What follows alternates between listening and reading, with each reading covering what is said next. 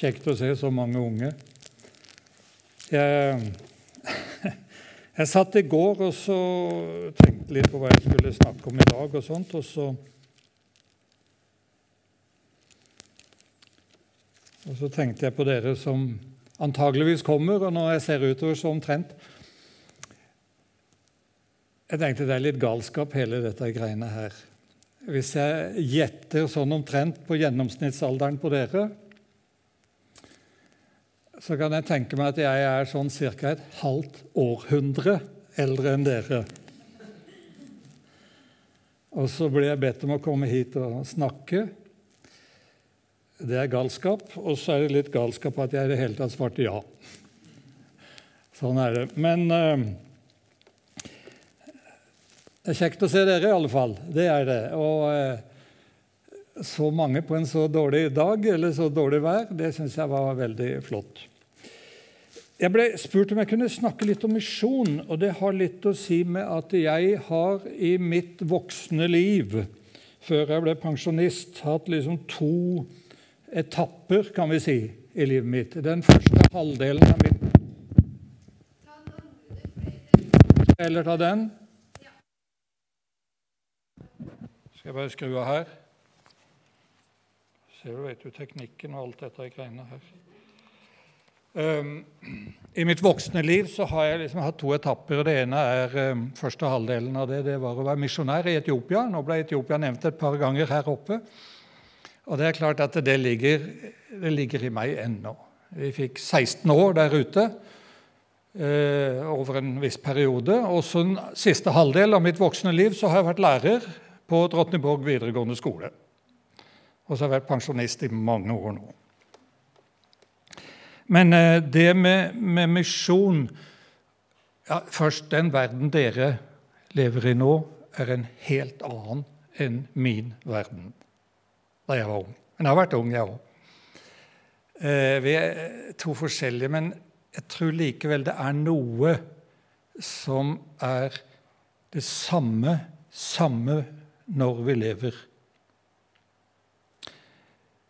Det har med misjonsbefalingen, med Jesu befaling om å vinne andre mennesker for Jesus, det har ikke endra seg siden jeg var ung. Det gjelder i dag også. Kanskje på en litt annen måte enn det var den gangen. Det er mulig. Og mennesket, menneskehjertet, det har heller ikke forandra seg noe på den tida. I bunn og grunn, sjøl om dere er mye flinkere på teknologi og språk og alt det der greiene der enn vi var, så i bunn og grunn så er menneskehjertet og menneskets behov de er mer eller mindre de samme bestandig. Og Det jeg håper på i dag, sjøl om misjonsarbeidet er veldig forskjellig i dag fra det var, så håper jeg det at det, dere skal klare Jeg er nødt til å hoppe tilbake i tid. jeg er nødt til det. Men jeg håper likevel at dere skal klare å relatere litt til deres eget liv. Og den situasjonen dere er i, og den situasjonen verden er i i dag Sjøl om mye er forskjellig, så er det likevel mye som er veldig likt. Men jeg skal hoppe 40 år tilbake i tid, altså. Da var ikke dere gamle. Eh, det var vel knapt nok foreldrene deres var særlig gamle, tenker jeg. Men for 40 år siden da er vi i det som dere som fulgte med i historietimen på skolen, det som blir kalt for den kalde krigen. Og Sovjetunionen, som det het den gangen, de var i ferd med å ta skal vi si, grepet over Afrika. Veldig mye, i alle fall. Og i alle fall i Etiopia, der jeg var. Jeg hadde vært misjonær en del år. og Så kom det en revolusjon, og den utvikla seg etter hvert til en marxistisk, kommunistisk Eh, styresett der staten ble ateistisk. Det var ikke lov jeg skal ikke si det var ikke lov å være kristen, men det var veldig vanskelig for de kristne. Vi misjonærer vi hadde det greit, men, eh, men for etioperne var det veldig tøft. Og mange steder så ble det spurt på store folkemøter Rekk opp hendene, dere som er kristne. Og så gjorde mange av ungdommene det. Og så ble det notert ned og så ble de kasta ut av skolen. ingen mulighet til å få jobb, ingenting.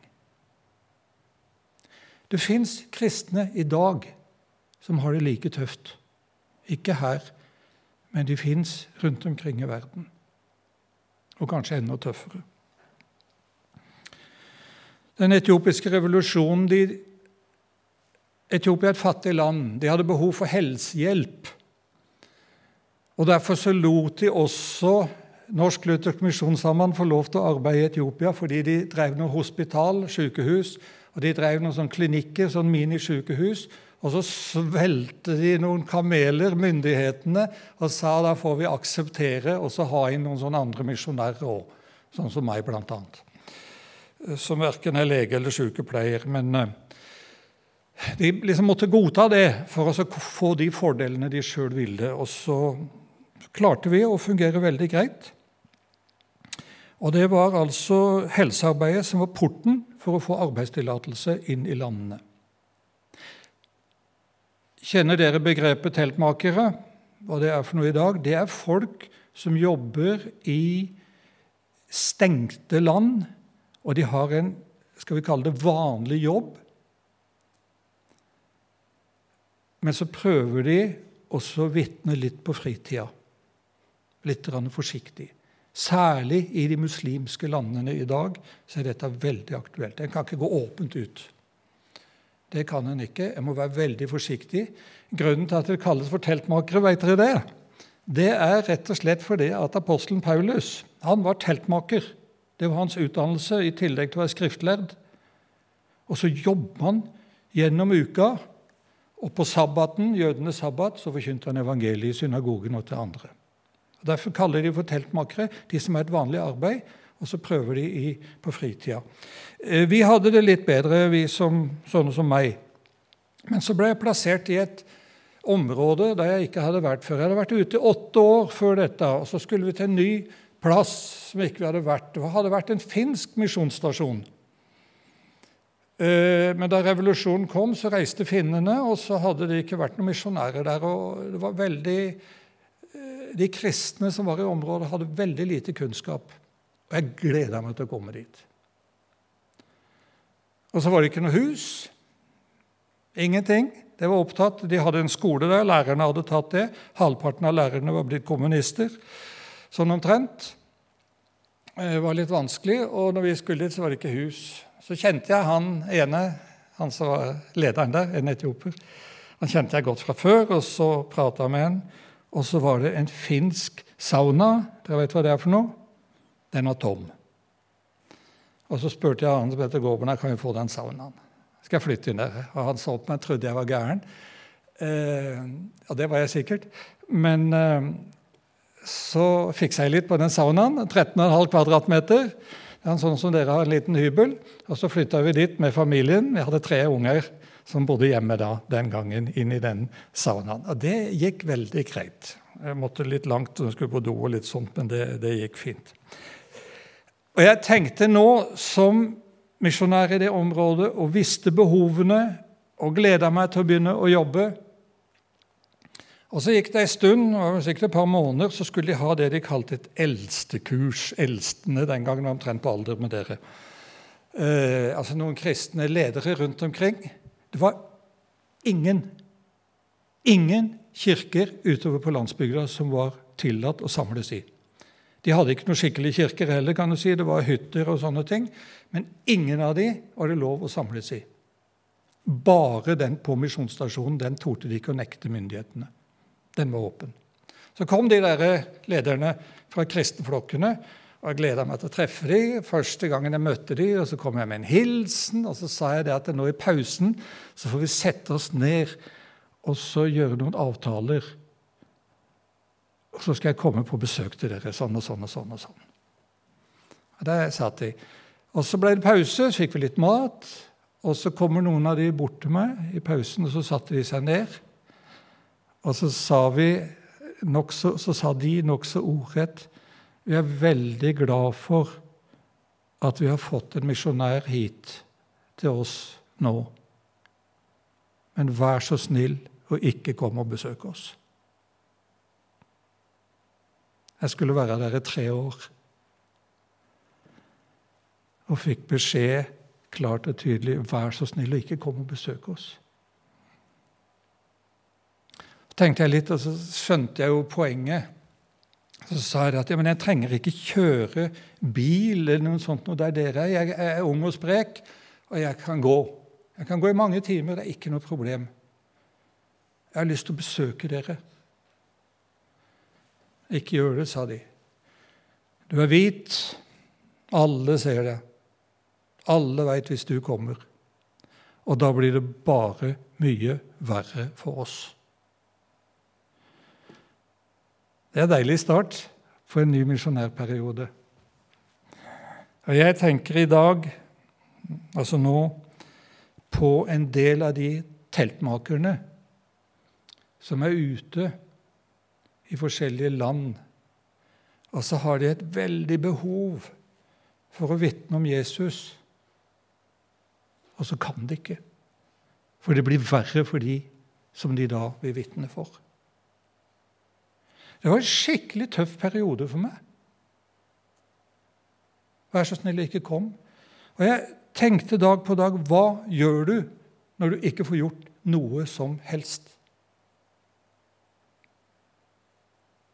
Det er en frustrasjon for mange av dagens misjonærer ute i en av de vi kaller lukka land.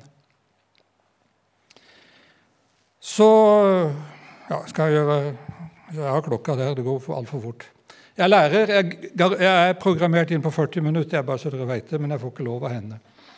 Um, så var det laga et lite skal vi kalle det kurs. 75 leksjoner i troslære og bibelhistorie. En helt annen plass i landet. Og så tenkte vi, snakket jeg med han vennen min, den etiopiske vennen der, og så skal vi prøve det, sa han. Ja, jeg tror ikke det går, sa han. Men vi prøver. Og så kom det en sju-åtte stykker som var plukka ut ikke så veldig langt ifra misjonsstasjonen. Og så fikk de ei sånn ei bok. Jeg får kikke på den etterpå. Den er min arbeidsbok en hel periode. Eh, og så forklarte jeg hva de skulle gjøre. Vi gikk gjennom det her. Første det var hvordan skal du undervise andre? Og så gikk vi gjennom helt sånn teskei-metode. Og så gikk vi gjennom fire kapitler, eller hva du vil, leksjoner i den boka. Og nå om ei uke så samler du noen kristne hjemme hos deg. Og så underviser du den første. Ei uke etterpå så underviser du den andre.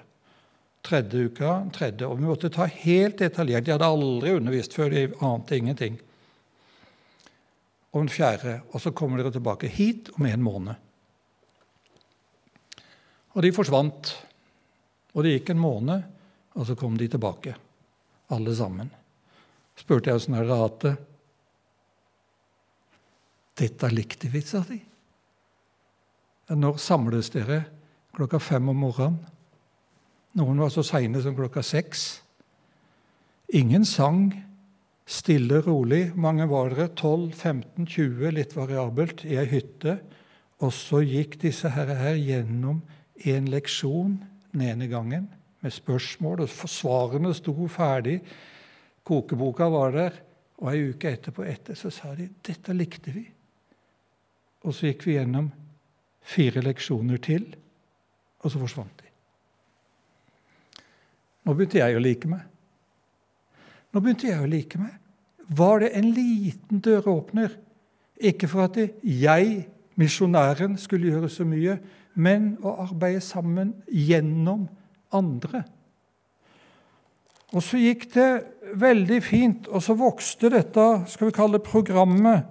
Og så var det andre som kom fra langveis ifra og spurte om vi kunne prøve å få til noe på sti og flere mil. Og så gjorde vi det sånn at på den og den datoen, på det og det sånn noenlunde klokkeslett, så skulle det stå folk langs veien og haike. Jeg kom kjørende, og Der sto det et hvitt ullteppe og haika, og der sto det neste ullteppe og haika inn i bilen. Det var ikke sikkerhetsseler og fem passasjerer den gangen, det var litt mer. stabla vi inn, og så kjørte vi så langt vekk at det var fritt å samles for de kristne. Og satt ute og begynte på det samme på den måten der. Kjører tilbake, hopper det en av her, en hopper av der, en hopper av der og en hopper av der, og jeg kom hjem. En måned etterpå så sto det en og haika på samme plassen.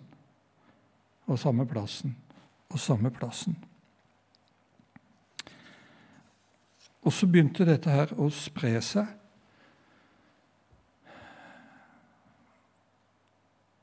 Men det var et annet sted vi burde få starta. Og hva gjør du da? For det var ikke så greit. Så hadde jeg en kommunistvenn som jeg hadde hjulpet en gang. Litt, han var noe han trengte hjelp til. Han jobba i myndighetene. Og så var jeg nede hos han en gang. Skulle få diesel. Det var han som ga diesel, eller ga tillatelse til å få diesel. Og så sa jeg du, jeg har et problem. Du veit at vi, vi er kirke, og har, jeg har behov for å gi litt opplæring til de folkene. Og så nevnte jeg plassen langt nedi der. Er det ikke lov, sa han. Nei, jeg veit det, sa jeg. Kan du ordne opp sånn at jeg kan få det til? Jeg hadde han skjønner litt på kroken, for jeg hadde hjulpet han en gang. Så han var nødt til å hjelpe meg. Han var nødt til det. Han gjorde det, var en grei kar. Han skal ha den. Um, og så så han på meg så sa han, du, hvis du lover at dere aldri er flere enn ti, og så sier dere hvis noen spør det er bare noen venner, og det er bare for å drikke kaffe. Vi er på besøk.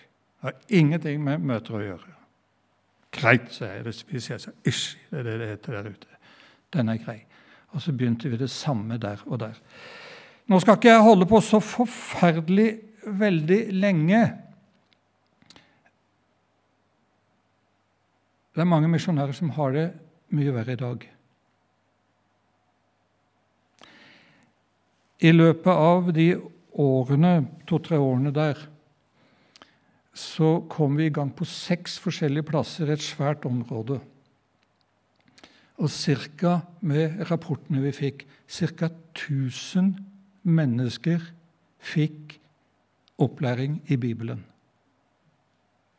rundt omkring på de plassene. Og jeg kom aldri dit. Og de gjorde meg ingenting heller. De gjorde meg ingenting. Jeg har ingenting å skryte av. At jeg reiste så og så mye. Det var det gamle misjonærer snøp Hvor mye reiser du i distriktet? Jeg reiste ingenting. For det var ikke mulig. Men jeg hadde andre som gjorde det de skulle. Og nå ljuger jeg litt, for jeg var én gang et sted. Og det var to-tre uker før vi skulle reise hjem til Norge. Da kommer en av de som har undervist på sin hjemplass. Han var ca. 19 år. Undervist et par år. Og så sa han, 'Du, Odd, den og den datoen, da kommer du ned til oss.' Når vi skal ha sånn bibelundervisning. Kan jeg det? Ja, ja, vi har ordna det, sa han. Det er måneder siden den kvelden, sa han, så det er ikke noe problem. Og Når du kjører nedover der, sånn der, så vet du den svingen der Ja da, jeg visste det. Og det svære treet som står på veien der, der kjører du rett ut av veien og så nedover bakkene. Og der er det noen buskas. Der parkerer du, for der står jeg. Jeg kjørte ned sånn klokka ti om kvelden. Eh, og så det var sikkert noen som hørte en bildur, men de bare forsvant den. Så jeg forsvant ned i buskene, og der sto han. Og så gikk vi litt lenger ned. i En, eh, og der sitter det en 30, kanskje, i måneskinn. Så sa jeg til henne nå skal du undervise når vi hører åssen det går. Nei, aldri om han skulle undervise når jeg var der. Det nekta han blankt, altså. Når du kommer hit, så skal du få lov til å tale, og jeg kommer ikke til å si et ord, sa han. Ja. Så i måneskinn den natta så fikk jeg se noen av de som gjennom vårt arbeid vi hadde nådd med evangeliet. Og Det sitter spikra i meg den dag i dag. Det er mer enn 35 år siden. Jeg fikk komme én plass, men Guds ord det spredde seg utover. Det fins stengte land i dag. Hva har du tenkt å gjøre med det? Hva har du tenkt å gjøre med det?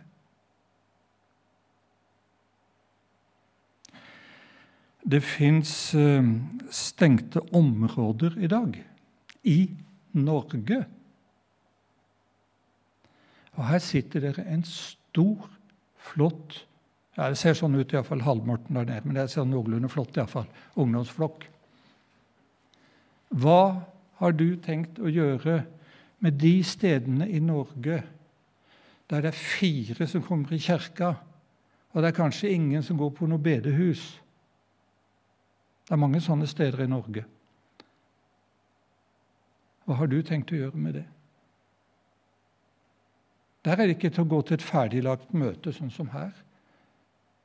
Der må du kanskje begynne å starte et barnelag.